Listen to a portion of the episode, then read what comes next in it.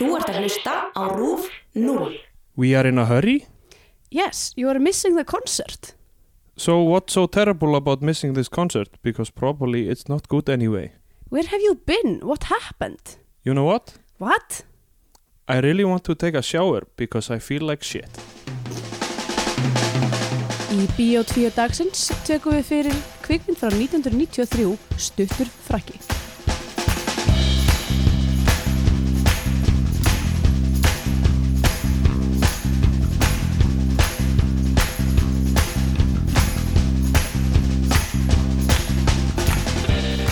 Góðan daginn og verið velkomin í Bíó 2 hlaðvarpið um íslenskar kvikmyndir. Eh, Með mér er hérna Steindor Grytar Jónsson Já, góðan daginn. og sjálf heiti ég Andrea Björk. Í dag ætlum við að fjalla um kvikmyndina Stuttur frakki frá 1993. En fyrst, hvað ert að gera? Þú ert bara í símanum. Já, ég, hvað, þetta byrja þetta á erfiðum nótum. Ég er að fletta upp, uh, ég, með grunar að leikstjóri og handilshauður kveikmyndarnar séu bræður, en ég var ekki með það staðfest. Já, ok. Ég, hérna, að því ég var að horfa á myndina í nótt, uh, þá var ég ekki mikið eitthvað svona að fletta hennu upp og eitthvað þannig, ég kannski örlítið, svona ég gerði ekki sérstaklega mikið research. Já, já ég gerði smá research. Ok, En hérna, ég ætla að byrja því að, að lýsa því yfir í, í nafni Sátta að ég ætla ekki að taka liðin minn góða bókin, vonda bókin í þessum þætti. er það bara út af því að þættinir voru farin að vera langir? Já, þættinir eru fannir að vera svona 30 mínútum á langir. 30, veist það er nú kannski svolítið gróft. Ok, ok, svona Korter. 20 mínútum á langir. Korter myndi ég segja. Og, uh, og hérna, já, ég, ég bara, ég, svo, svo- er, þú veist, að, það- að henda skoðunum sínum svona mikið út í heiminn. Uh, er það gott? Pír presumptuous myndi ég segja. Já, já, ég meina fólk er að hlusta á þetta til að uh, líklega fá skoðanir uh, okkar á þessum myndum það er ekki Mm. til að hlusta á lýsingu okkar á sögutræðinum á myndurum Nei, það er rétt, svo sem. uh, veist, Mér sem við finnst, gerum það, samt mér finnst það ofsalega leðilegt þegar ég hlusta podcast og, hérna, og það er bara verið svona eitthvað að fara skref fyrir skref í gegnum sögu þar þá er ég bara, ég, Já, ég kom ekki enga fyrir þetta. þetta er, þetta er erfitt, þú veist meina, En svo þarf maður hlustendur einhvern veginn líka að geta, veist, útskýrt af hverju maður er að tala um einhver ákveðna punta og þú veist, já. Já, ég meina hlustendur uh, eru annarkort búinir að sjá myndina og þá þurfa þær ekki á þessu að halda Mm. eða þú veist, kannski þurfa einhverja smá upprifun á einhverju uh, eða ekki búin að sjá myndina og þá er þeir alveg hérna í, í myrkrinu með þetta allt saman þá líklega þarf þetta en það er samt mjög fyndið að, að vera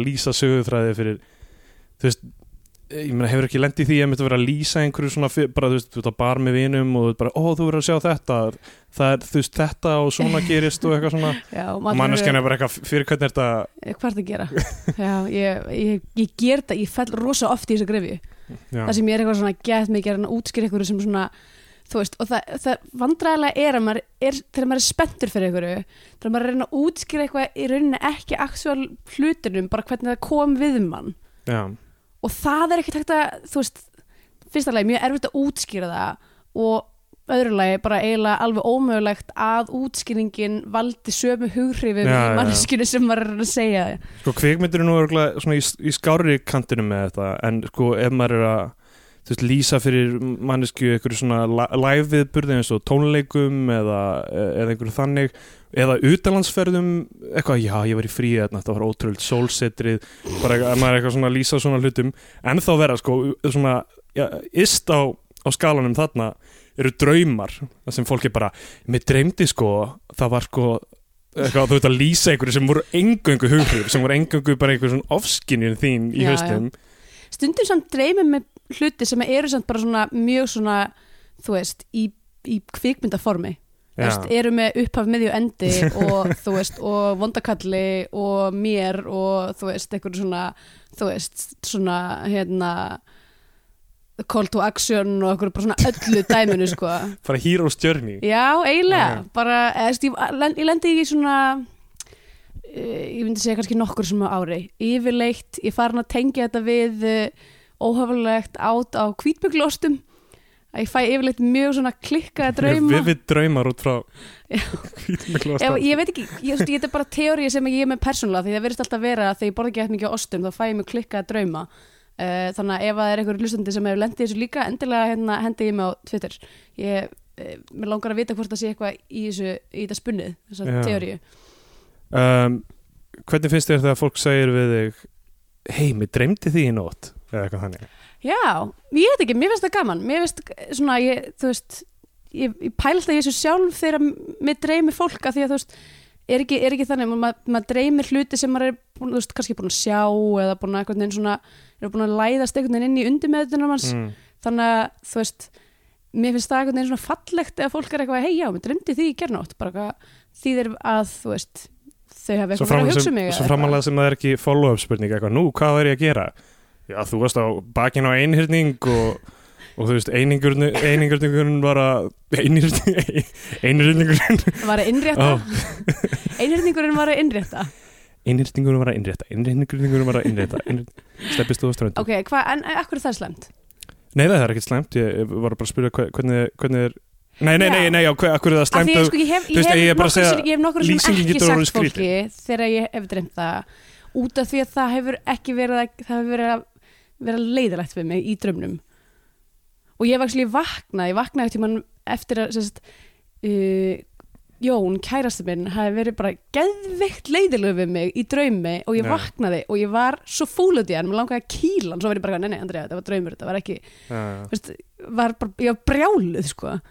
og svo fattaði ég bara nei Jón var ekki lækið í alvörinni, þetta var draumur Mér finnst, þetta er eitthvað svo lýsandi fyrir því mannlega ástand að mann man dreymi eitthvað og svo vakna maður og, og maður er eitthvað ennþá að prósessa einhverja, þú veist, einhverja ofskynjun, einhverja ímyndun manns í rauninni já, og það er stemningin sem maður fer með inn í daginn. Já, er eitthvað, var þetta, þú veist, var þetta martruð, var þetta eitthvað erfitt, var þetta flókið? Maður vaknar og maður byrjar daginn á þessu að vera að díla við eitthvað kjaftaði sem er ekki raunverulegt já ég lendi, ég lendi í nokkur sinnum að þegar ég verið svona, þú veist, í ykkur svona hefi vinnutörni Já, að dreyma bara að ég sé vinnunni alla nóttina já. og svo vakna ég og er bara geðveikt þreytt að því ég er búin að vera að vinna allan daginn og svo líka vinna Já. allan nóttina í drauminu mínum Það kom fyrst fyrir mig því ég var á kassa í hagkaup og ég vaknaði við það að það var bara bíp bíp. og ég var að hreyfa hendurnar svona og vaknaði, ó nei og það, veist, og, og mikið til uh, svona draumar uh, sem snúast um e e eitthvað svona uh, ma maður er on the spot að gera eitthvað. Ég hef oft verið, þú veist, eitthvað svona að klúðra einhverju sem ég á að kunna. Ég, hef verið í aðstöðu þar sem ég er að gera eitthvað fyrir fram að fólk sem, þú veist, gera improv eða eitthvað Já, og ég er að bara klúðra því eða eitthvað þannig. Ég hef nefnilega aldrei fengið eitthvað svona, þú veist, svona allsbyrði skólanum dæmi. Já, já, en þú veist, mér, finnst þetta oft, hjá mér er þetta oft svona hlutir sem ég á að geta og, og, og er búin að gera miljónsinnum en það er bara eitthvað, ég er ekki að einbeita mér að því af því að þú veist, það er alltaf mikið í gangi í draumnum maður er að hugsa um alls konar hluti og, Já, þannig að Eitthvað- þú klúðrar því sem þú átt að vera að gera og þú veist í rauninni að dreyma í draumniðinu. og líka eiginlega allir kynferðislega draumar sem ég hef fengið um æfina er en, nei, þeir enda á því að ég bara fæða í brækunar, þú veist, í draumnum að ég bara, Og ekki alvörinni. Það kemur fyrir í alvörunni, flöyti ég, en ég er um, er bara eitthvað svona ú, hér- hérna er eitthvað sexy að fara í og ég eitthvað, ó, svo, svo er það bara búið. Og ég vaknaði eitthvað, það gerðist ekkert. Það er, það er hrikalegt. já, al- algjörlega ef, ef ég fæ kynfélslan draum og vakna og mér tókst að, þú veist, actually byrja kynlíf í draumum Það er bara, yes! það var bara eitthvað, wow, þetta, þetta var bara ákveðis performance Við ykkur Kristínu Já. Hristur eitthvað, ég, ég, ég fekk það ekki bara einhvern þar. Hæ? Hvað er það- er að segja ástu mín?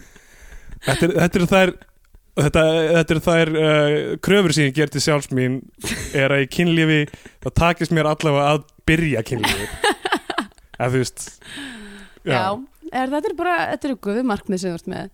Uh, ég hef heyrt þetta hjá fleirum, ég er ekki einn. Ok, alltaf leið. það eru margir að núti Já, ég veit ekki, ég hérna, minnst bara eiginlega vest sko, þú veist, ef maður fyrir kynfærslegan draum og vaknar bara svona mjög graður og þú þarf bara að fara á fætur og fá sér kaffi og er eitthvað uh, þú veist, hafa ekki, hafa ekki kost á því að bara, hérna vekja félagasinn, sko. Já, ég held að hérna það er uh, hrikalegt, sko ég það, það er sé- eðilegu daginn minn?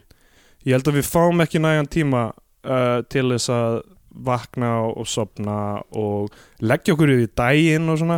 Og það er ekkert jafn gott og blundur millir þrjú og fjögur. Ég, held að, ég held að meiri hlutin af vandamálum mannkynsins myndi leysast ef það veri ástættilegra fólk bara eitthvað að- að- ef, sig. ef að neptime myndi Já. bara, þú veist, halda áfram frá leikskóla Já. og allir myndi halda áfram að taka þú neptime ert bara í vinnunni og bara yfir maður kemur inn þú ert stúrand á skrifborðinu og yfir maður bara ég ætla ekki að tröfla greinlega það, það. Það, er, það er hérna Neproom í hérna vinnunni hjá Jón, hann notar það er það eitthvað er- húti-túti það eitthvað nýsköpunar. Já, þetta er náttúrulega eitthvað start, startup dæmi sko, en ég, ég farið inn í þetta Neproom og það er bara svona dúðað allstaðar það er mjúkt, það er svona gett þygt mjúkt golfteppi og mjúkir veggir og eitthvað og maður er bara eitthvað "Ugh, ég myndi alltaf vera, ég myndi aldrei vinna. Mm. Já, það er svo ekki rétt. En, já, og ég, hérna, annað fyrst við erum að tala um svefn og drauma og svona, ég, ég held að ég þurfi tíu tíma á dag. Já, ég held að það sé mitt eðlilega ástand. Já, ég held að ég sé svona átta. Og, og hérna og við, við erum örugglega að sofa of lítið bara sem já, mannfólk. guð, ég fór svo klukkan hálf fjögur nótt. Já. Uh, það var samt bara út af því að uh, ég var að skila mér myndbandi uh, sem er að koma út í dag. Uh, bara að Eurovision- plugga það? Nei, nei, það, það verður náttúrulega lengur að koma út þegar þessi þáttu kemur út sko. uh, En mér er samt alltaf skemmtilegt að- að vera búin að gera Eurovision myndband. Það er eitthvað, það er eitthvað svona ákveðið dæmi. Um, En já, hérna Ég búin að satt fyrir fram um tölvuna og Ég var, ég var í alveg, mér leiði í alveg eins og ég væri komið kassalega augu. Ég búin að setja fyrir fram um tölvuna í nú 12 tíma af því að, þú veist, ég, alltaf þegar það kemur deadline þá fer, þú veist, allt í fokk, þú veist. Já. þá fer tölvun alltaf að krasja og þú veist, eitthvað, þú veist, það er alltaf eitthvað svona dæmi. Svo kalla Murphy's Law. Já, allt það. sem getur farið úrskeiðis mun, mun fara úrskeiðis, já. Sko síðast þegar ég var að gera myndband þá hérna, þegar ég var að fara að skila því þá hérna, fór rafmagnir af allri götunni minni. Já, bara þú veist, Karl Markstrassi bara frá sko ratasnaukölin til Karl Markstrassi bara þú veist á milli tveggja söpbeistoppa mm. bara allt veist, fyrst var ég bara, oh my god, það sloknaði á tölunni hvað er að gerast, hvað er að gerast, hvað hljóp út eitthvað fram á gang, allir nákvæmlega eitthvað ist das, was ist lost eitthvað. Og hérna og þú bara, ég skil ykkur ekki. Ég tala ekki físk talið íslensku. Og svo hljóp ég út á götu og það var allir út á götu, það var svona allt í ringleið og ég var bara svona what are the odds? Já, það var út af þessum hérna, helvitis uh, framkvæmdum sem eru búin að vera í bara síðan ég flutti til Þýskalands ég vona nú að verði eitthvað fallegt þarna á Karlmarkstasi það er búið að, þú veist, þeir eru búin að vera með loftbóra þarna í, þú veist, fjóra mánuði alltaf á mótnana. Óþólandi sitt bara getið ekki planað loftbórsessjónin eftir svefn hætti þínum. Nei, bara þú veist, eftir hádegi þú veist, þarf það að vera alltaf klukkan nýju já. Það Ég- bara ég- mjög ég- mikið til þessi, allavega. Um, já, þetta, hérna uh, ég man ekki hvað ég ætla að segja. Já. en uh, hvað ég var að tala um stuttan frakka ég held ég hafa nefnilega mikið að segja um stuttan frakka Hey, já, ok, frábært. Ég að segja um nefnilega var einmitt eitthvað að horfa á hana millið sem ég var að reyna að rendera í nótt og uh, var- ég, ætli ég hafi ekki bara verið svolítið svona heilina með að vera svo pínu stektur þannig að ég, ég er að lesa núna yfir nótuna mínar og ég skil ekki helmingina að ok um, eitt, Stuttur frakki. eitt, eitt sem er búin að skrifa þetta bara stendur með stórum stöðum. Hooligans, lol já, ég veit, ég veit hvað þú ert að tala um þar ok, Stu, herru, en stuttur frakki vindum okkur í það. Þetta er svona mynd sem ég sá alltaf á vídeolegum þegar ég var lítill, þú veist, hún kom, kom út þegar ég já, var það var mjög eftirminnlegt hulstur. Já, kom út uh, var fæðast líklega þegar ég var svona nýjára og bara nákvæmlega tímabiliða sem ég var alltaf að fara út á vídeolegu, Mhm. skoða öll hulstrin, lesa Já. öll hulstrin ég vil hvað maður eitt miklum Já. tíma. Ég man það var alltaf nokkur hulstur sem að mér fannst alltaf geðveikt áhugaverð eins og hérna American History X hulstrið. Já, já, það var sjúkt og hérna, það var eitt sem ég það, það var eitthvað svona tímabil það sem varð að þýða alla titla og uh, og, og skrifa allt á íslensku. Og framan á hulstrinu á myndinni Loaded Weapon sem ég bara mjög nýlega komst að héti Loaded Weapon sem er Lethal Weapon spoofmynd með já, Emilio Estevez held ég. Ok. Og hún hétt á íslensku Tveir yktir upprómunumerki Tveir yktir og ég var alltaf bara hvað er þetta, af hverju er þetta bandarísk mynd með íslensku titli?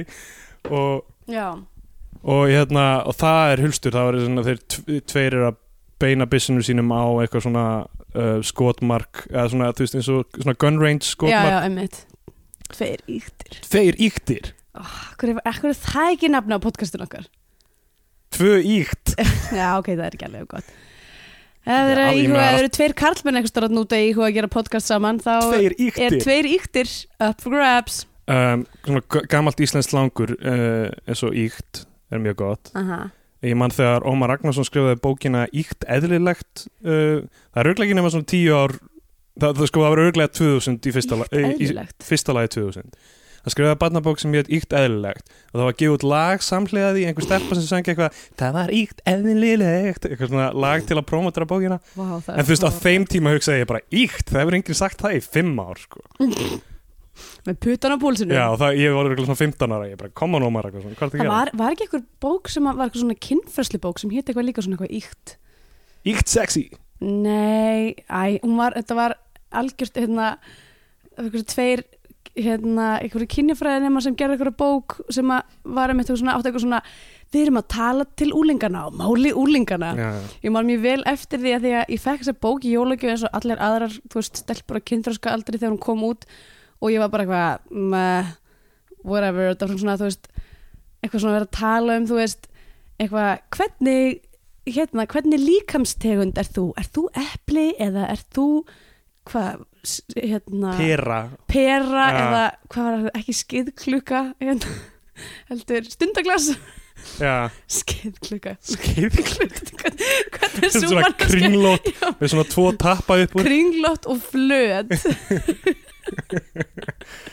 En þú veist það sem ég fannst ógustlega fyndið við það því ég tók þessa bóku upp því ég var hérna mamma mér var nefn til þess að henda alls konar drasli sem ég hefði skila eftir því ég flutta heimann og hérna ég svona blaði gegnum hana og það var eitthvað svona líka eitthvað svona típur eftir því hvað svona hvernig hvort það séu þú veist dökkarðar eða ljósarðar eða eitthvað svo leis og svo var alltaf tekið svona dæmi úr samfélaginu og dæmið fyrir eitthvað eina típu var kærasti minn á þeim tíma Sindri Eldon hmm. eitthvað, hann er svona dökk típa Ég Býtu, var- hann actually í bókin? Já, En býtu, sem sem það bara, þetta var bara einhver random krakki þú veist, hann hefur verið random krakki á þeim tíma eða hvað nei, nei eða, Var hann, sem, sem fræg manneskja? Já, Sem einhver, hvað, hvað 13 ára krakki? eða eitthvað? nei, hann, hann hefur náttúrulega verið hann hefur örugglega verið svona alltaf hann hafi ekki verið bara nýbúin að vinna músitilunir Já, og hann Ok. okay. verið svona 16-17 eitthvað slags er hann, býtu, Hann hvað- var- já, heyrðu hann auðvitað nær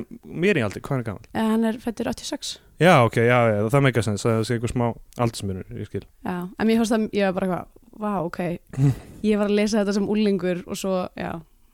Og býtu, og ég skil, af hverju verður þessi bók að flokka fólk eftir einhver útliti? Ég veit það ekki, þetta var að- Þetta átti að vera eitthvað svona þú Ef veist, þú þarf að sofa hjá eitthvað manneski og hafa mix. þetta í huga. eitthvað svona tala opið um þú veist blæðingar og útferð en líka eitthvað svona ert þú ljóðatýpan eða dökkatýpan Hver- Hvort þú epli eða skeiðkluka Hvernig þetta í huga flokka fólk einhvern veginn svona? Ég veit það ekki, þetta er náttúrulega þú veist þetta var gefið út fyrir 15 árum eða eitthvað þannig að margt hefur breyst.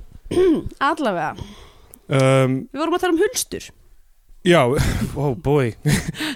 Ok, allavega stuttu frakki með mjög flott uh, hulstur og logo eða þú veist, þetta var mjög, maður tók eftir þessu. Hjá- og, byrju, Hjálmar Hjálmarsson er eitthvað framan þessu hulstri og hérna Ég verð að viðkjöna það, ég átti svolítið mikið erfitt með talandan hjá honum og hef almennt. E, Já. Sko um, Ok, fyrsta lagi hver finnst þér vera aðalpersonan í stuttur frakki? um, ég veit það ekki alveg. Sko Já, á kóðurinn eru þrjár mannskjur það eru Hjálmar Hjálmarsson mm og það eru frakkin og, kameruna og, og Sólei leikina Elva og skólastöður og svo F-turnin F-turnin og Hallgrímskirkja. Og það er svona uh, logoið, stuttur frakki logoið sem er mynd af einhverjum uh, manneski með tösku sem á að vera frakkin og í frönsku fánanlitunum mm -hmm. mjög svona, þetta er eitthvað sem maður tók alltaf eftir þetta logo. Mm um, ég veit ekki hafandi hort á þessa mynd hver, veist, hver er protagonistinn uh, í rauninni? Og ég held að það veri Hjálmar. Já, ég held það líka fyrst en svo kom bara daginn að hann var innilega unrelatable karakter Já, hann, hann basically, hann fer eiginlega ekki út úr laugadashöllinni alla, alla meitina. Ok, já, hann fer ein, einu sinni út úr laugadashöllinni, já, held ég. Og Ég það meina- er bara til að fara í íbúinni á sýstu sinni og síðan tilbaka. já sko, ok, myndi byrjar á því að það er svona fréttavídeó þar sem hefur verið að tilkynna nýjan menningasamning milli Fraklands og Íslands sem, sem á að auka menningatengsl Mhm. þetta er svona furðulegu fréttateksti það sem er bara eitthvað nú munu íslenskir listamenn aldrei skara fram úr og allir munu sjá hvað við höfum fram að færa í heiminum eitthvað. Mhm. svo klippum við yfir í ansi mikið fært í já, svo klippum við yfir í samtal eða símtal það sem uh, Hjálmar Hjálmarsson í hlutverki Rúnars sem er svona, um, eða svona reddara tónleikahaldara umbósmaður einhver ok, má ég bara segja eitt mér finnst ólíðandi að hann hafi verið kallaður rungi alla þessa mynd í alvörinni, ég fekk bara illt í eirun fólk var eitthvað, rungi, rungi hver í alvörinni hver kallar sér rungi? Uh, kannski kalla hann ekki sjálfur sig Rúnki, kannski er þetta bara eitthvað sem festist. Hræðilegt sko. Ég held Ok. að enginn sem heitir Rúnar vilji vera að kalla það Rúnki allavega hann var ekki að kvarta Já, það verið fyndið að hann var í alla myndina alltaf að kvarta yfir Ég vil ekki vera að kalla það rungi Hvert er sem ekki að kalla Þa, já, það myndi alveg að hann gefa um eitthvað svona human aspect Ok. okay. sem gæði náttúrulega fáviti Ok, það kemur sér svolítið ljós að uh, strax í byrjun það, ok, setupið er það að það er verið að fara að halda rísa tónleika stæstu tónleika Íslandsögunar í laugardalsöld mm. það sem á að sjókeisa íslenska hljómsettir fyrir einum frönskum manni. Já, það er, já, það er myndi eitthvað svona og það stóð eitthvað, úlingarnir eru að koma og eitthvað, ba ba ba, og það verður æðislegt eitthvað, bestu hljómsveitir Ísland sem eru apparently Bubbi og Nýdönsk. Já, um, og Tóttmóbíl já. Um, ok, það, ok, það er svo ógeðslega margt í þessu. Ok, ok, og já, og svo er allt premissið basically bara eitthvað, og það er einhver eitt gæi að koma frá Fraklandi. Sem ætlar að og þú veist, það er uh, það sem er í húfi í þessari mynd er það að ein íslensk hljómsett verður fyrir valinu til þess að fá plötu samlíki Fraklandi eða eitthvað. Já, það er ekki, það er ekki og svo síðan, einmitt, er eitthvað svona köttað til Fraklands þar sem að þessi gæi er. Já. nota bene, finnst mér hann líka mjög unrelatable karakter. hann er ekki með persónuleika fyrir en hann verður fullur í myndinni. Og, alla myndina þar til hann byrjar að drekka þá, þá hefur hann ekki persónuleika. Nei, hann er bara eitthvað maður sem er bara hann, lappandi um. hann er bara fl flýtur um einhvern veginn í.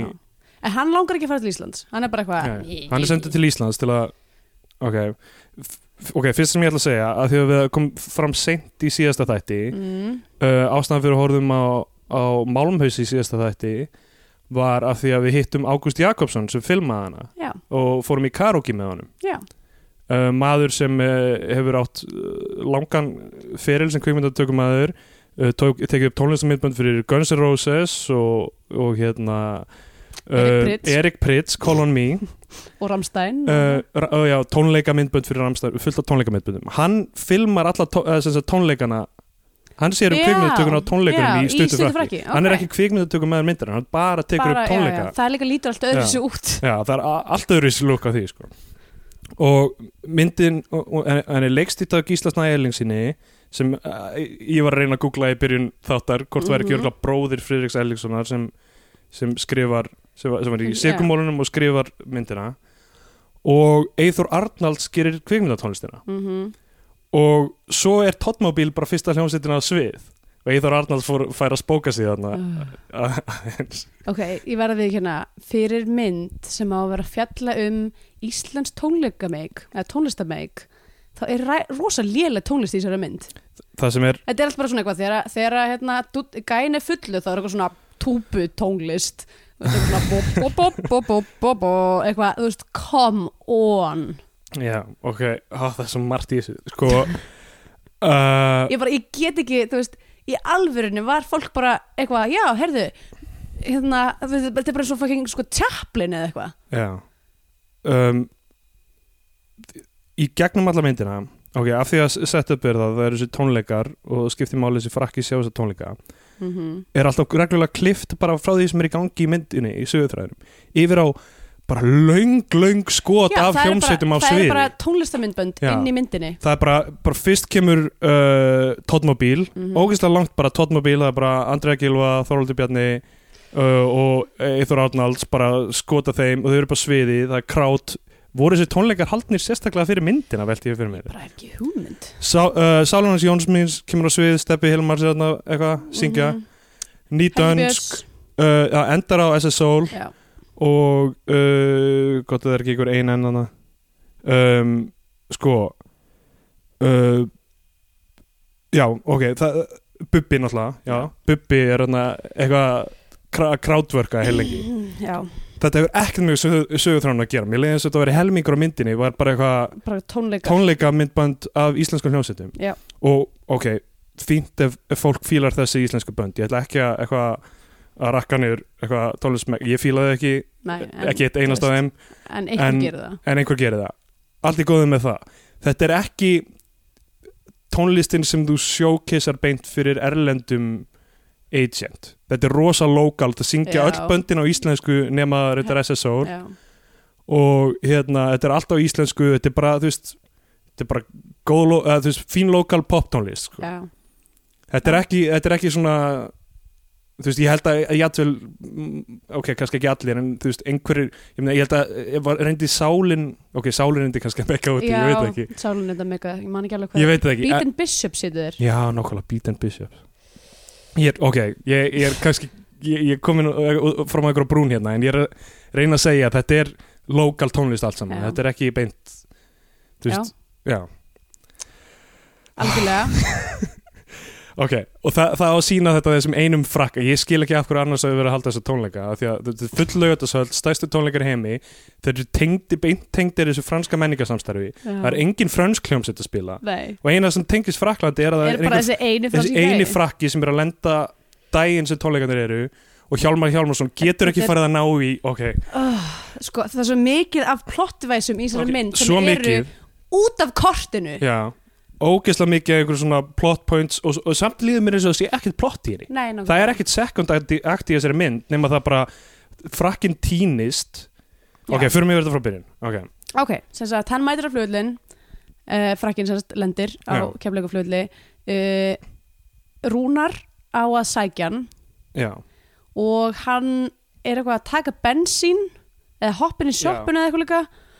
Og hérna og meðan hann er inn í sjoppunni þá leggur annar bíll.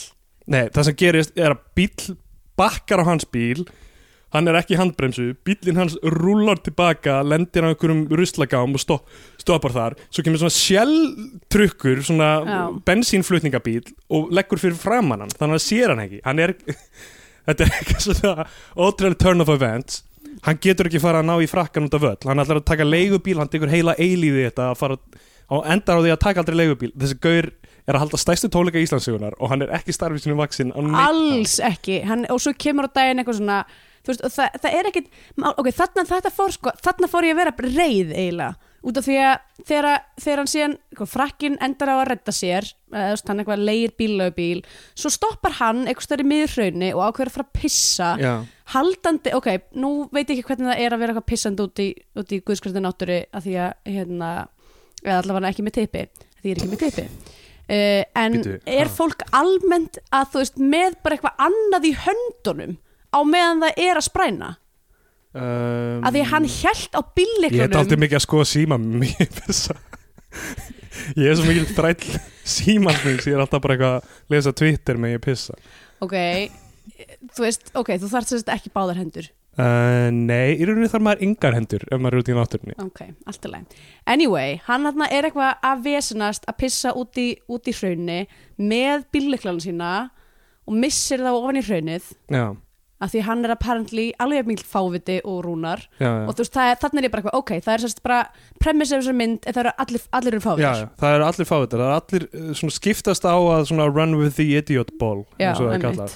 Að fatta ekki hluti að einhvern veginn uh, bara vera í algjöru rugli. Ok, sem sagt, já eh, sem frakkin er fáviti og rúnar er fáviti og sem sagt, fyrst sjáum við rúnar vera fávita, hann týnir bílnum sínum og eitthvað, allar að taka leiði bíl en gerir það ekki og er bara, þú veist já, basically bara á, ákveður bara að gera ekkert. Um, og svo kemur að að frakkin líka fáviti og hann eitthvað endur að húka far hjá Sólegu sem er systir Já, Rúnars. Og við höfum verið kynnt fyrir Sólegu í, í laugatasöld þar sem hún er að tala við Rúnar. Mm, hún er sjálf tónlistamæður og er alltaf að reyna að fá hann til að hjálpa sem með karýrin sin en hann gerir ekkert í því. Uh, Sólei uh, á fyrirverandi kærasta sem er algjörlega tilgangslýs í myndinni Já. sem er eitthvað svona augljós douchebag.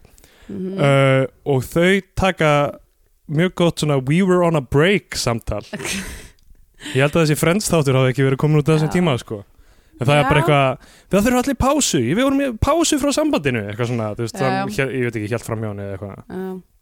og hún er að skutla hún er sem sagt, ok, þetta er svo styrla dæmi hún er á að skutla vinkonur sinni út af völl Mhm.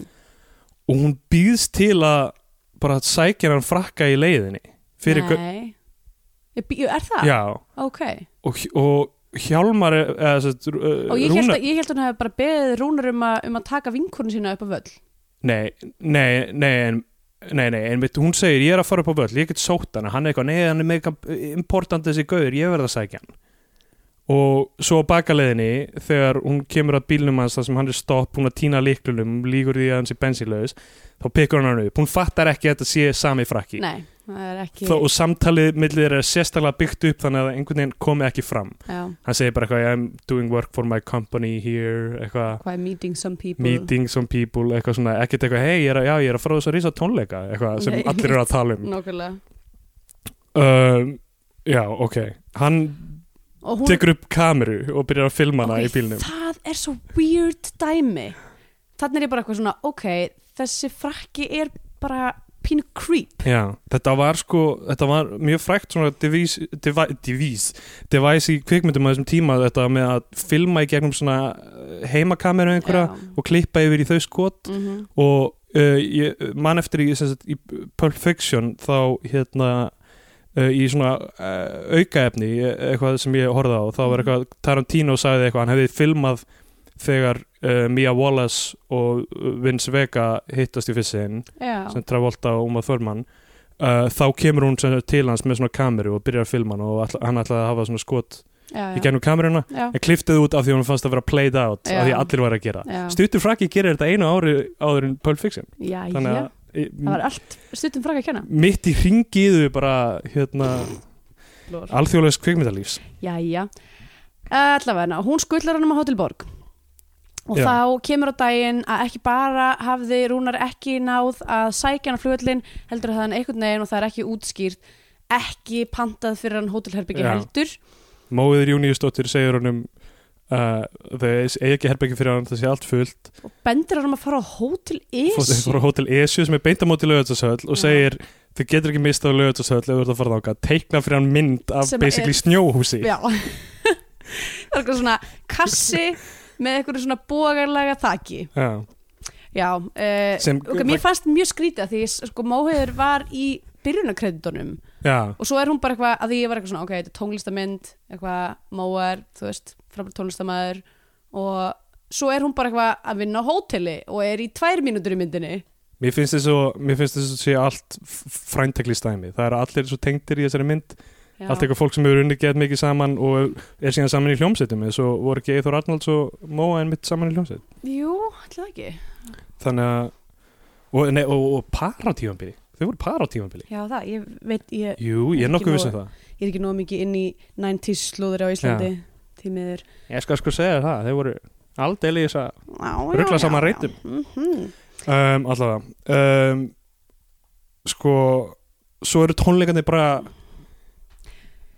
ok, hann hoppar upp í, í, í, í rútu til Af því að apparently eru leigubílar ekki þing. Nei, nei, bara svona big shot gæi frá okkur frönsku útgáfi fyrirtæki hendir sér í strætó. Já, og sama tíma, þú veist, allaði Hjálmar að se- senda, uh, senda leigubíl upp á völl og sækja Þannig að þú veist, það, er greinilega ekki eitthvað sem fólk setur fyrir, þetta er bara, ok Nei. Hann fer upp í rútu, hún er að fara til hveragerðis hann spyr aldrei þegar hann fer upp í rútu Já, að, er þetta réttu strætó ok, ég er bara eitthvað eng, ekkert sympathy fyrir þessu manni Já. að því hann er augljóslega fáviti Já, og magn tilviljana í þessari mynd er bara, þú veist, þetta er yfirþyrmandi það gerist allt fyrir tilviljun í þessari mynd Jep. um, minni mig á Jóhannes sem mörguleiti, af því að þetta er svona Já. einhver að þvælast eitthvað um í einhverju mjög óskilgreindu er, markmiði er sko. nafn fyrir þetta sjónra eða?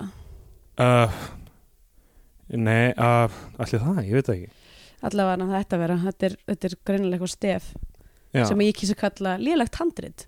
Já það er, uh, handritið er ekki, ekki mjög gott. Já, og, ok, og tónleikarnir er að byrja og frakkin er á leiðin einhverstar að hveragerði og í staðin fyrir að fara allir leiðin að hveragerði eða reyna að tala við einhvern í rútunni um hvert hann var að fara þá ákveður hann bara eitthvað að fara út. Já, hann fer bara út úr rútinu á miðri götu er einhvers staðar rétt fyrir helliseiði Já. sýnist mér. Lappar allar leiðina tilbaka á litlu kaffistofuna. Og þá kemur það sem ég fannst nú einna skemmtilegast í Já, henni. það var, hann var alveg sinni þjóðurinn Ekkert Þorleifsson lappar út úr litlu kaffistofunni grýpur í pungin á sér. Ætlar að, að því virðist fara upp á risastofuna svona og eitthvað eitthvað svona klappunum og eitthvað svona. Og svo, nei nei, hann er einhverjum ógeðslega aðsnæðlegum bíl við þeirra einhverjum, svona pallbíl.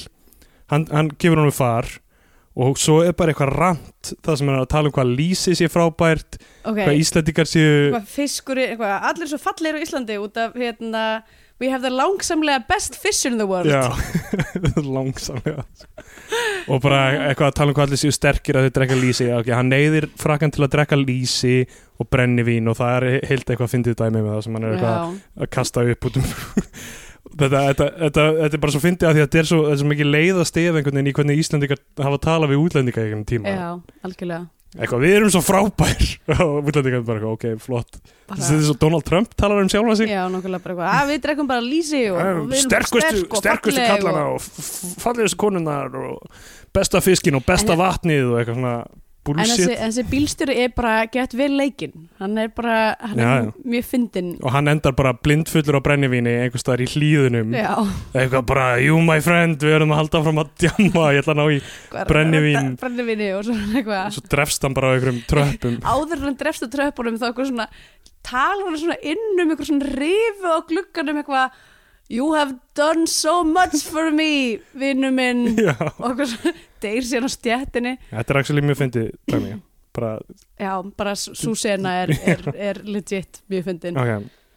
Og svo, þú veist uh, uh, það, ok, þa- þarna er ég búin að ok, það er eitt atriða sem uh, Elva Ósk sagt, er, er heima hjá sér.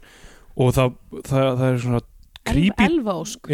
Leikona, sem leikur. Sóli Já. Og það er eitthvað svona creepy tónlist eða svona semi eins og þetta sé eitthvað Hitchcock atrið svo kemur allt í henni einhver kona eitthvað, eitthvað, eitthvað Já. ásta vinkona hennar sem hefur ekki sest fyrir, fyrir þessar mynd sem er að skila henni að, alltaf að skila henni einhverju pilsi En, gefur henni bara gefur drakt í já, staðinn gefur henni eitthvað annað í staðin já. og, og svo er eitthvað dæmið þegar þau eru að tala með þetta, þessi sambandslít hjá, Já. hjá Sólegu og eitthvað svo fer hún bara Já, og það er síðan eitthvað svona bara til þess að setja það upp að í lókmyndarinnar þá fer þessi ásta og dregur fyrirvændi kærasta sólegar á tálar sem það er ekkert undbyggt af hverju Já. það er að gerast. Það er algjörlega tilgangslust og það, það, ok. Og, já, og það er bara, ok, það, við komum að því þegar við komum að því. Um, myndin er á hún semi eins og hérna eins og bara einhvers konar auglýsing fyrir þú veist, íslenska tónlist og, Nefnum og bara allt þetta léleg fólk. auglýsing af því að basically hafði ég bara mikla anduð á öllum sem að tók þátt í þessari mynd já, eftir að hafa hort á hana þannig að þetta getur ekki verið það góð auglýsing já. uh, Já, allavega uh, hérna Hér, ok, Rúnar er alltaf að ljúa því að frakkin sé actually mættur. Af því að hann er með svona yfirmannstýpu einhverja sem er eitthvað svona maður með sólgliru inni. Já, maður með sólgleru inni sem er eitthvað svona ég veit ekki hvað, rekur útflutningsráð íslenska tónlistar eða eitthvað svona ja, þú veist. Það er mjög óljóst hvað hann, gerir. hann er í ykkur út af sig tala í byrjun myndana sem að tala um hversu merkilega þessi tónleikar eru og að ein hljómsveit muni meika það og hver verður hún og svo einu tíum punktið er hann að segja veist, að hann muni í rauninni handvelja þá einmitt, sem hann, hann muni þurfa að kvísla þessum frakka þú veist, þið verðið að sæna þessa hljómsveit. Mm ok, um, hann eh, er alltaf að ljúga á hann já, frakkin er löngu mættur í höllina, hann er að horfa tónleikana hann var hérna rétt á þann Hann er hann á klósetti og svo, ok, gaurin bara, ok, ég ætla að býða eftir hann hérna fyrir utan klósetti Hjálmar fer inn á skrifstofunum sína í gegnum loftið eins og John McClane í Die Hard Já, bara. já, einmitt. Skrýður í gegnum bara eitthvað eitthvað þylið á milli lofts og eitthvað hoppa nýra á klósetti Þykist vera kúka og æla. Þá til að gæinn fer. Já, það er bara eitthvað, ég vil ekki heta þér að kúkandi ælandi frakka. Og fer. Ah, Þetta er alveg styrlað sko. Það er bara svona fullt af einhverjum senum í þessari mynd sem, þú veist, Já. ekkert af þessu hefur að gera með persónsköpun, ekkert af þessu hefur að gera með eitthvað svona söguþráðin eða einhvern veginn Já. og það er engin þemu í þessari mynd nema hvað Ísland er frábært. Já, og þú veist að semi eins og sá eini sem er að djóka með hennar þjóðreiping sé ekkert Þorleifsson. Já, það er eins og allir aðri meini hann alla myndina. Já ég, þetta var eitthvað moment í íslenska sögu sem að ég skilða ekki alveg sko. Nei, nei, um, þú veist, bara næntísið og allir eru einhvern veginn, þú veist, þú þetta er nóga pening allt í einu og bara gett mikil velmegnun já, og, þú e veist, samningurinn og þú veist, hérna bara, já, ég meinti, er samlingurinn nákvæmlega, nei og Þjóðarsátt. bara þú veist, og líka bara, hvað, 93 er ekki um, sigla inn í dabatíman jú, heldur betur. Og bara, já, og svo þú veist náttúrulega, finnst mjög fyndið hvað, hva, hérna hvað sigumólarnir eru ekki í þessari mynd. Nei, þeir eru alltaf frægir. Já, ég myndi eitthvað svona þetta er mynd um íslenska tónlist og bara eina fræga íslenska já. er ekki í myndinni. Veginn bara rosalega mikið af fólki, þú veist, þetta er sem í þetta er allt fólki í kringum ég endur Friðrik Erlingsson sem skrifar þetta mm -hmm. og svo, þú veist, eitthvað Eithor Arnalds og, sem var í Tapa Tíkaras já, já, og Friðrik Erlings var í Tapa Tí- Tíkaras held ég líka Er það, eh, ég held það þessi rétt. Ég veit það, ég kannski nú vel við það er alltaf rosalega Tapa Tíkaras tengingi þessu dæmi. Um, ok. Þa, ok, það gera svo styrlaði hluti. Ok, fyrsta lagi það er ekkert forvart momentum í gangi á þessum tímapunkti í myndin það er Nei. ekkert, það er ekkert að gerast. Það er bara, þú veist, tónleikar frakkir er einhvers þar út í sveit eitthvað eitthva í einhverjum bíl, ekkert að þessu skipti máli. Eitthvað, þú veist, tónleikarnir eru að byrja það er ekki búið að panta pítsu það er eitthvað heil, heil Bjarni sena Haukur kemur inn brjálæður yfir að það sé eitthvað pítsur fyrir og- tónlistafólki fyrir tónlistafólkið og það er eitthvað heilsina um það. Og við erum bara að sjá meira og meira hvað að, þessi rúnar hefur engin, tök á þessum málum. alveg fáránlega vanhæfur. Og hann fer ekkert út í laugasöllinu nema til þess að fara til sýstu sinnar e- einhverjum tímpúti til að slappa af segir hann Já, og mitt. kvarta yfir því að frakkin sé týndur svona konfæta í henni með það og tekur þau heilangan tíma að fatta að þetta sé sami frakkin þá, já, þegar hann kemur þá er hún að semja tónlistina sína Já. sem að er atriði sem þarf aðeins að ræða Ok. að því að basically tónlistinnar er og þetta er sko, þetta er vandamál út af því að þetta á að vera gett stórt plottpoint í myndinni Já. að hún sé bara eitthvað svona algjör laumu, eitthvað geða eitthvað tónlistamæður en bara eitthvað að því að bróðurinnar er fáviti og er ekki búin að Já. þú veist, hjálpar með fyrirlinsin þá er enginn búin að heyra það en svo er í, þessi tónlist sem hún er að gera er eins og bara eitthvað svona preset á míti Já, hljómfræði þetta er bara svona prísetta eitthvað eitthvað hljómar einhverjir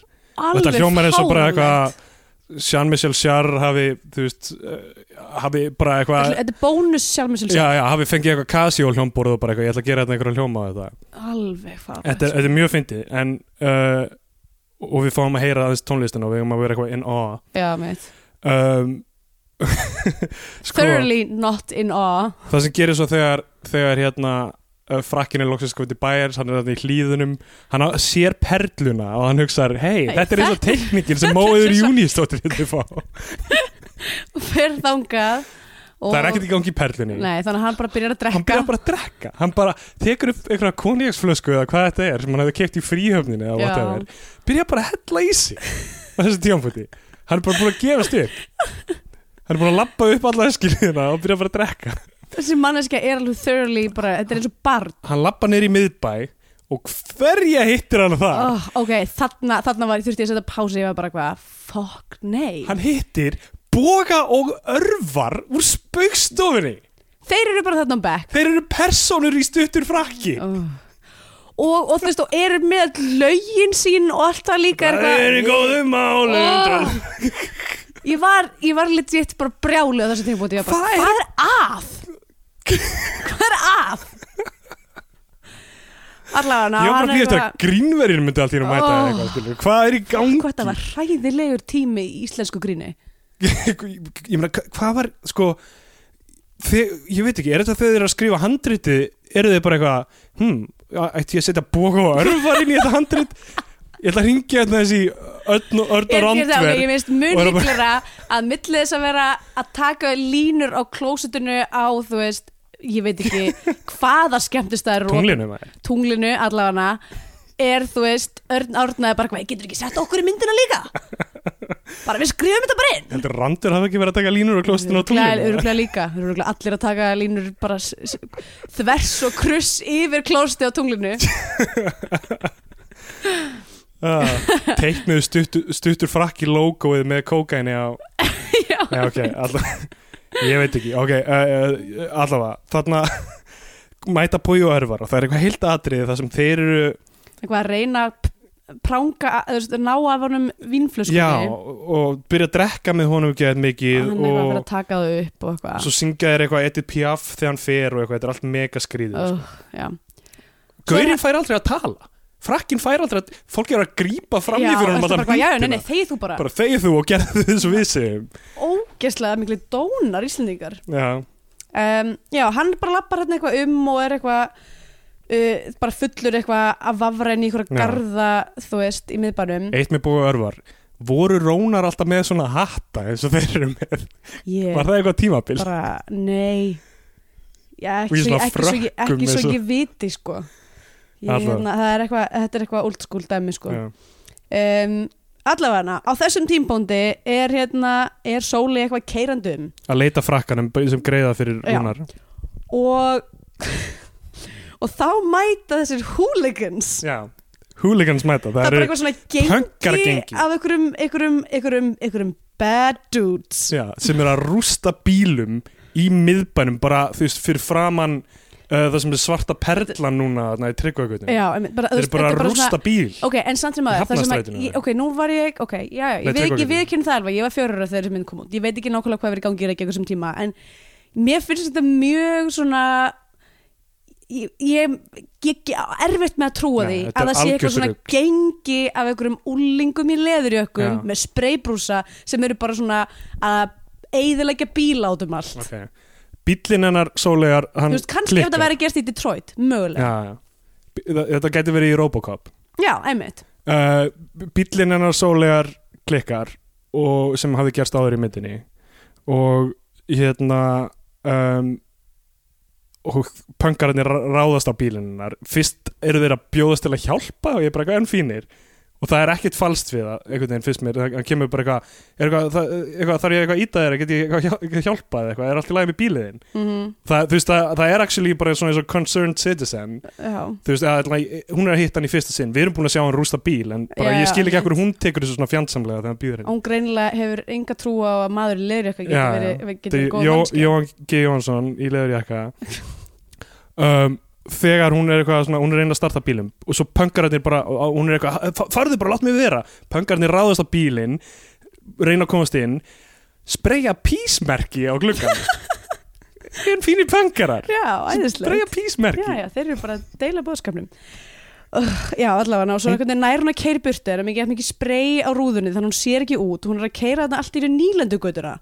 Já. einhver hluta vegna og keirir næstu niður hún keir, actually keirir hann niður. á Hann úti. hann er blindfullur ráðandannum já, hann bara Soleil, you're my angel eitthvað. Var ytvali hún tekur hann upp í bílinn og svo er þetta samtala þarna sem við gerum í byrjun sem er, þú veist, hanna uh, eitthvað fullur og eitthvað vill fara í sturtu. Hún fer með hann heim til uh, sína og setur hann í sturtu og, eitthvað. Mhm.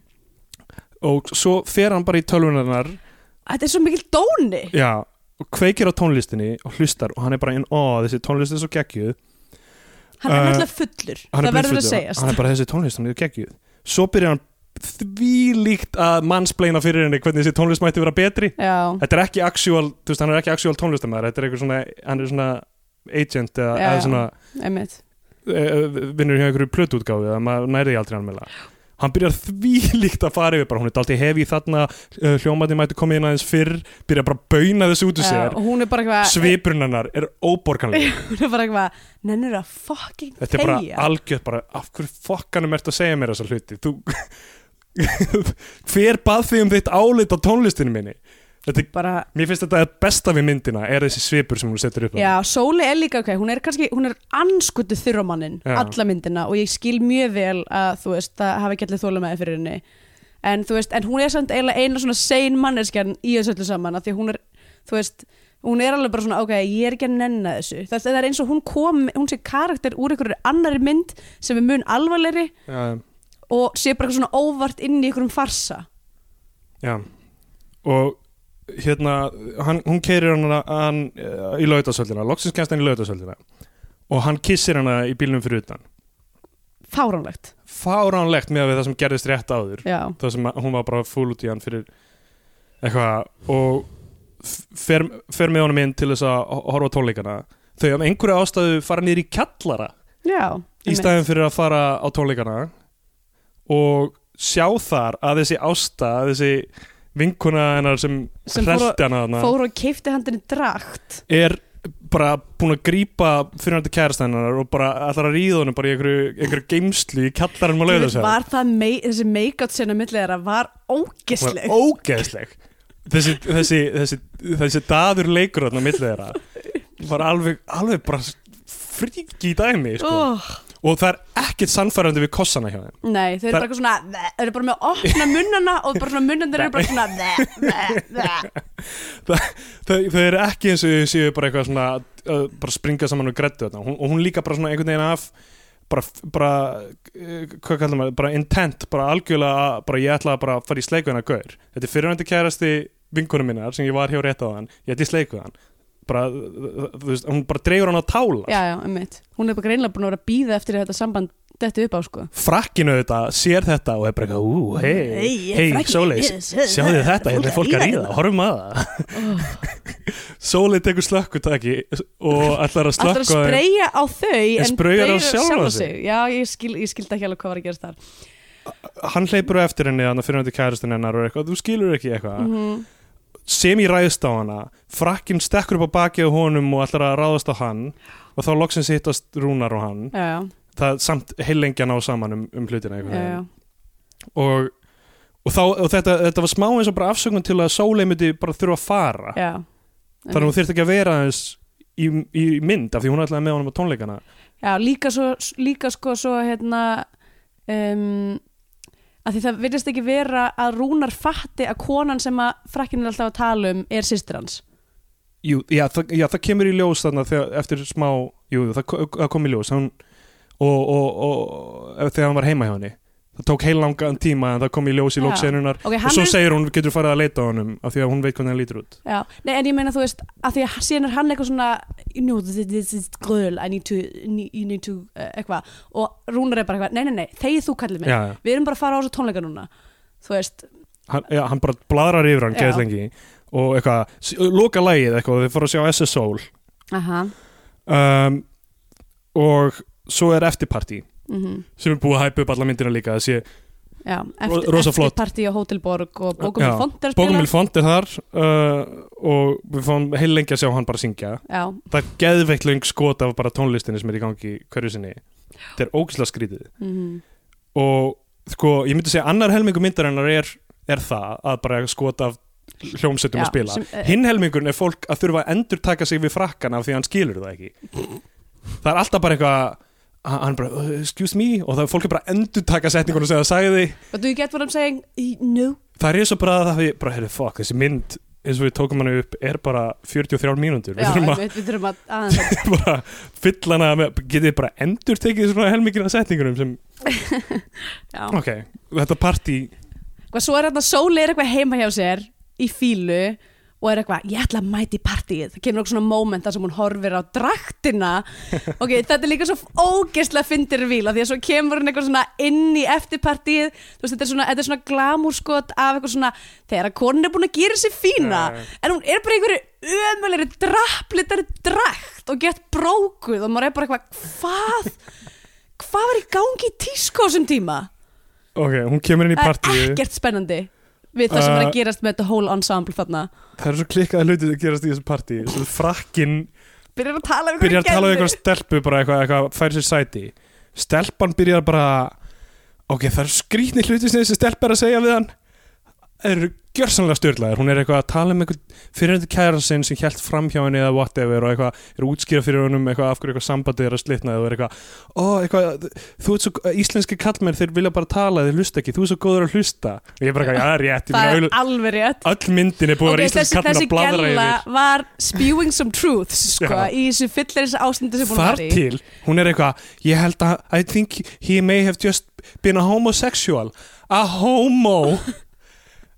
og ég er bara eitthvað, hvað hvað er þetta, þú veist að tala um einhverja mannesku sem kom aldrei fyrir, akkur þau eru að koma fyrir einhverju slör? Já, alveg. Þetta, þetta hefur ekkert að gera með var þetta ekki slör á þeim tíma? Homo, já, mögulega ekki. Ég myndi, ok, þú veist með að ok, ok. No og homo vandamáli sem að var fyrir henni var basically bara eitthvað að hann vildi ekki sofa hjá henni. Já, já, Þú veist, já, það er ekki þú veist, bara eitthvað ég hef alveg reynd við samkynnaðan mann og verið síðan komið staðið síðan þegar hann komið úr skápnum var ég bara ah, ah, oh, það er eina mögulega ástæðan fyrir að hann vildi ekki sofa hjá mér. Finally, thank you. En kannski er þetta ekstra mikið núna því að no homo er orðið svona slör þú veist, að, að, að, að vera alltaf eitthvað no homo já, er það, svona, já, mitt. En, uh, þetta var mjög skrítið moment og bara, Já. ég var bara eitthvað, ok, ég er búin að fá nóg þessari gælu.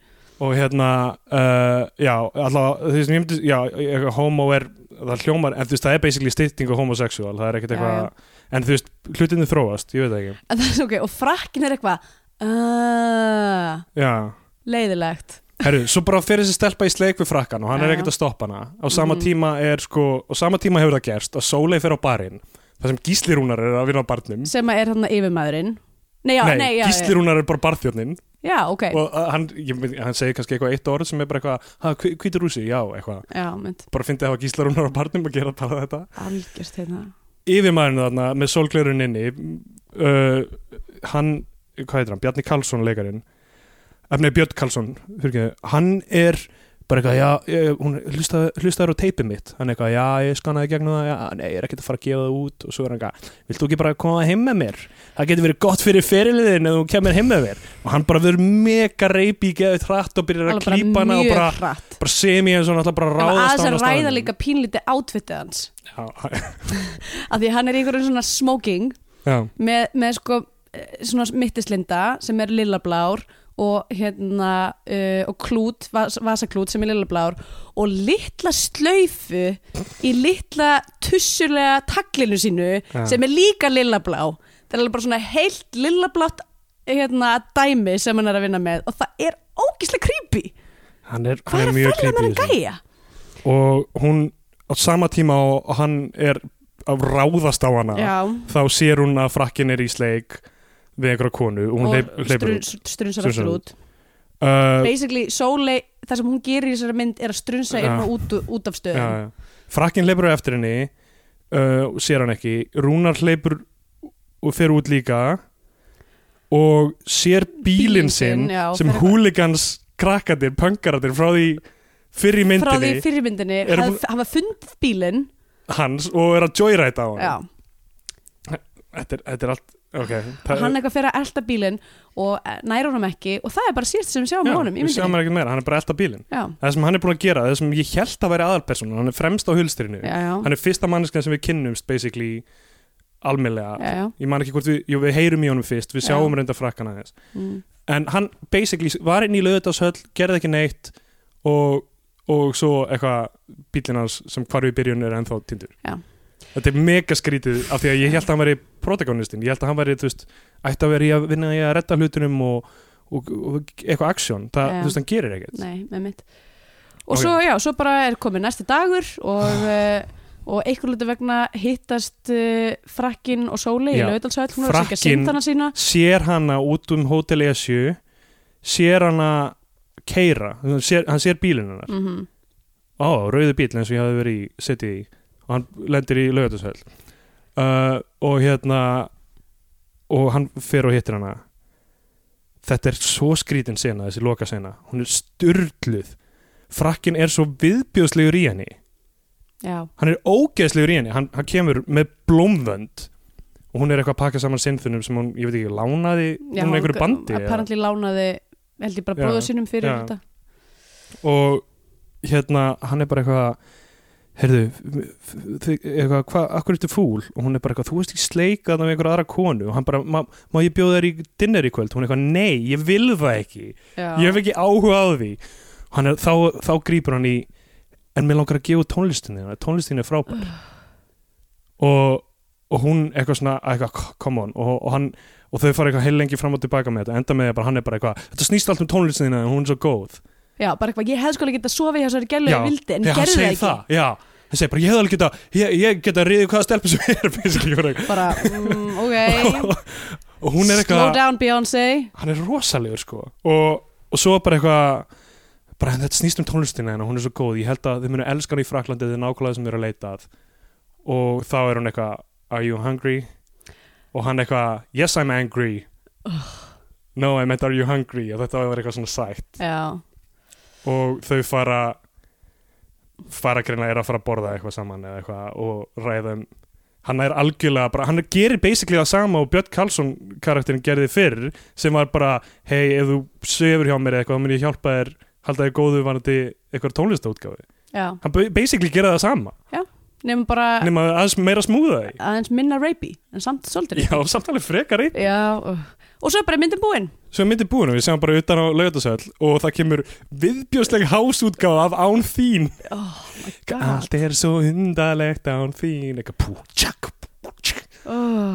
ok, herðu, hérna þetta er kannski bara að vinda okkur í að, í að gre- greina þetta. Já, að því ég er, ég er, ég er þurr ausin já. Ég var, ok, já. Uh, byrjum á Scandinavian Pain Index. Ok. Uh, eini harmurinn sem á sér staði þessari mynd er harmur minn yfir að hafa hort á hana. Uh, þetta er ekki, hún fellur ekki undir eða, það er ekki mikið sem að veist, það er margt sem að á potential en málið er það er bara, hún er bara svo eitthvað svona þú veist, á sama hátt og Jóhannes. Þú veist, það er ekki það er engar alvöru tilfinningar í þessari mynd. Nei, alls ekki sko.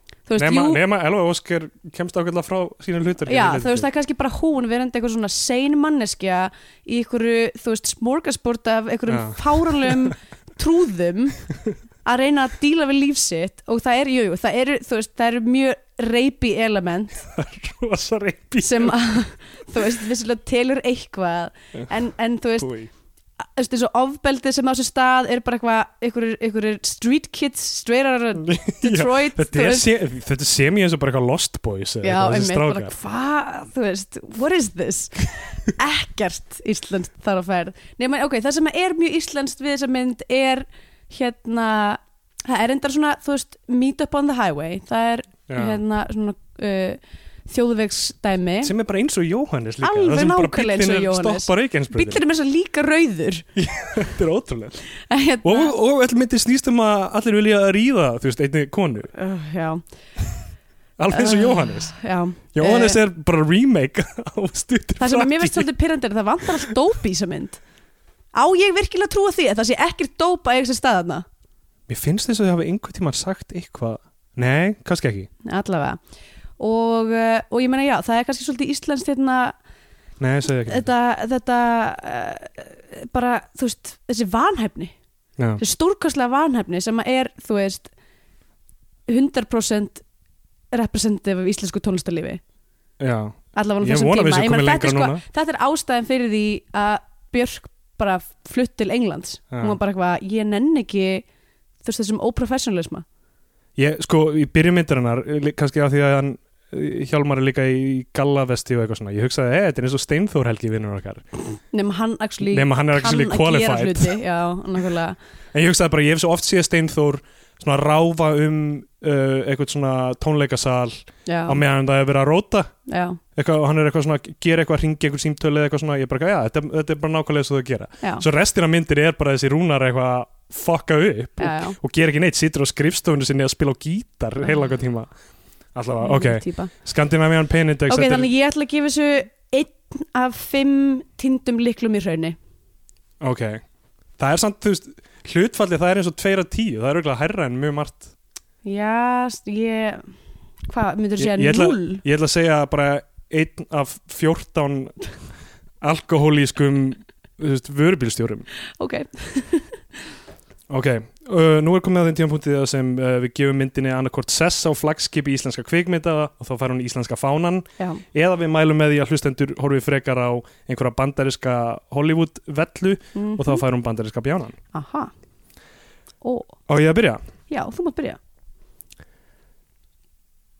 Stuttufraki þú ert búin að skrifa niður bara? Nei, ég er, ég er að horfa, ég er bara fyrir hlustendur, ég er ekki með neitt í höndunum. Ok. Stuttur frakki Hvers vegna heitir þessi mynd stuttur frakki? ekki hú Ég velti því fyrir mér og það eina sem þetta er í huga hann er ekki eins og hann er í löngum frakka. Já, frakkin, já, og hann er ekki það lágvaksin Jú, ok, hann er, pí, hann er pínu lægri en kannski einhverjar hann er ekkit eitthvað, ok, hann er ekkit svo stór. Uh, það er aldrei talað um það í myndinu það er aldrei kommentað á að hann sé stuttur eða eitthvað þannig. Eins og hafi hugsað um, við þurfum að hafa eitthvað wordplay hérna, eitthvað Mm. með frakka. Svo heitir náttúrulega eina sem myndin á datt í hug. ennsku Behind Schedule. Já. Behind Schedule er hræðilegu titill Já. fyrir hann á ennsku þessi mynd, ég var mjög þegar ég byrjaði að horfa, þá hugsaði ég þetta verður fjör, þetta er öðruvísi íslensk mynd. Þetta er, er, þetta er greinlega samt svona fyrir þetta eru loka orðin mín. Æ, ok, ég var samt þetta er greinlega svona hlutur eins og hérna, Sodom Reykjavík sem hétt á ennsku Remote Control. Já, Það er bara eitthvað svona, hvað snýst myndunum? Behind Schedule, ok, hún heitir Já. það. Eitthvað. remote control er gott orðið yfir uh, nafn á sótum, myndi ég segja. Finnst þið það? En, þú veist, en það er samt bara basically bara það eitthvað er bara hvað- um hvað- MacGuffinið í myndinni þú um, veist, já, um hvað er myndin? Hún er um týnda fjárstæringu ok, skýrum myndina týnd behind schedule er samt þú veist, eins og tónleikarnir hefur tafist ekki, Já, reyndar. Hann er ekki behind schedule hann er bara, Fáviti, hann er bara í ruglinu ok, stuðu frækki kvindin hafa þetta heita bara idiots idiots. Idiotinu Já. læs hún tríu Það hefur uh, skemmtilega þeir allir farið í einhverja ríðurlest og eitthvað. Ég, þá, þá hefði ég actually nefnt að horfa á þetta sko. Ég ætla að byrja að loka orðin mín aftur. Nei, ok, stuðu frækki, ég veit ekki hvað hún heitir þetta. En það er, finnst mér lýsandi fyrir mikið af þessari mynd. Uh, það er ekki rauður þráður í henni, það er ekki þú veist, þema, það er ekkert sem hún sögurþráðurinn byggir á og maður fer á tilfinningun að þetta sé, hei, væri ekki fyndið ef, þú veist einhver get lengi að mæta á tónleika sem skipta einhverju máli af einhverjum ástæðum. Ég veit ekki alveg hvernig þetta hefur f- farið fram en tónleikarnir eru stór, stór biti af þessu og maður hugsaður einhvern veginn við munum senda þetta hátíðir úti og þessi, þú veist, mér líður eins og tónleikarnir í myndinni séu eins og myndin í raunveruleikunum að, að til þess að kynna íslenska tónlist. Við líður eins og, eins og þessi mynd hafi verið gerð með sama markmiði og tónleikarnir í laugatasöllinni í myndinni sem Já. er bara, nú ætlum við að kynna tónlist fyrir einhverjum útlendingum, fyrir frökkum aðalega Já, og því að það gera ráð fyrir líkla einhverju frakkar horfa á þessa mynd af því að það er frakk í henni, ég veit ekki hvort það var einhver meðframleysla eða ekki. Að hafa verið eitthvað meðframlisla Já. Um, það er allavega an annað unit þú veist það er second unit franskir kvikmyndatökumenn kemur í kreildistanum Já. og það, það er það sem er tekið upp hann í París mm -hmm. um, það er ekkit annað act í handritinu. Það- premissið er það eru tónleikar að fara að vera haldnir uh, og það er mikilvæg manneski að koma á hana. Second actið er allt honum gengur ítla að komast þanga og, uh, og, og, það er við- greinlega, það er svo lítið í húfi að mann er alveg skýt saman með það sko, það skiptir engum máli. Í third act erum við allt í einu komin í það að persóna sem var ekki beint aðalpersóna er að fá að gefa út einhverja tónlist sína gegn því að sofa hjá þessari Mm. mannesku hver, hver var sögutráðurinn í rauninni? Já, um, ég var spenntur því ég byrjaði því ég hugsa, uh, hugsaði, já, þetta er öðruvísi mynd hún fjallar um eitthvað annað en flestar íslenska kveikmyndir uh, eins og Jóhannes þá er þarna uh, minni úr Hollywood myndum frekar en íslensku myndum mm og það bara tekst ekki, það gengur ekki upp. Nei. og það er allt á bakinu á bara ekki nógu velhefnið handriti. Þannig ég verð að gefa þessari mynd uh, banderska bjánan. Og að mæla með að fólk horfa á Robocop akkur ekki, að því að Robocop er æðislega mynd. Já, Já, ég minni samanlega þessu bara. Já, ég, ég hérna mæla ekki með þessari mynd. Ég bara þú veist nú veit ég ekki hvort það sé út af því að þú veist að því að bara að því hvar við erum í kúl ringiðunni, þú veist er að einmitt núna finnst mér þessi tími í íslenskri sögu bara ótrúlega vandræðilegur mm, bara já. svona aularhroll vandræðilegur um, er að ég bara einhvern veginn meikaði rosalega fátt sem var að gerast og svo bara, þú veist, að ég veit ekki ég vil fá einhverja tengingu í fólk þegar, og þú veist þegar ég er að horfa bíómynd, ég vil fá eitthvað þú veist, mér langar að líða einhvern veginn öðruvísi heldur en bara reyðri yfir því hvað allir eru miklu fáðar Mhm. og uh, já, ég fann ekki fyrir neinu nema bara pyrringi við að horfa á þessa mynd þannig að já, mér finnst hún ekki eiga skilið að, að hérna, sitja á, á flagskipi íslensku kvíkunda Nei, viltu mæla með einhver annari? bandarinska bjánan líka. Um, ó, ég var að horfa á okkur mynd sem ég langaði gett mikið að mæla með en ég er búin að gleyma því hvað það var. Um, já, ég menna ég getur svona bara við vorum að horfa í fyrra dag á, á hérna, Jótarovskís dún og Já, hún er alltaf skemmtileg alltaf skemmtilega að horfa sérstaklega núna þar sem að það er búið að tilkynna að Dennis Villeneuve. Villeneuve er að fara að, að, hérna, að reyna að búa til dún aftur. Um, og apparently þá verður það seria sem ég finnst mega miklu meira sens Já, af mega því að veist, þetta kemst ekkit fyrir einni bíómynd. Það verður spennandi. Og þannig að já, ég hérna en, bara tilvalið að fara að rifja upp Jótarovski stún og svona sem ég grunar að Dennis Villeneuve sé í þeim kvöldi sko. Já, þannig um, já ég myndi vilja segja að lókum að hérna, eins og kynlífi í mínum draumum Já. þá, þá var þessi bíómynd algjör non-starter fyrir mér. Og skildi mig eftir uh, skildi ég eftir uh, áhörfandan ófullnæðan já.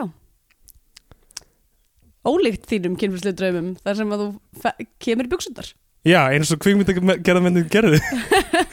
Þau gerði þessa mynd. Fair enough. Já, herðu, ef við kalla þetta gott í byli Já, og hérna þið bara tvítið á okkur ef það er eitthvað söfgalsi Já endilega, við erum búin að fara rosalega mikið af, af góðum skilabóðum og, og, og gaggrínum skilabóðum og ábendingum.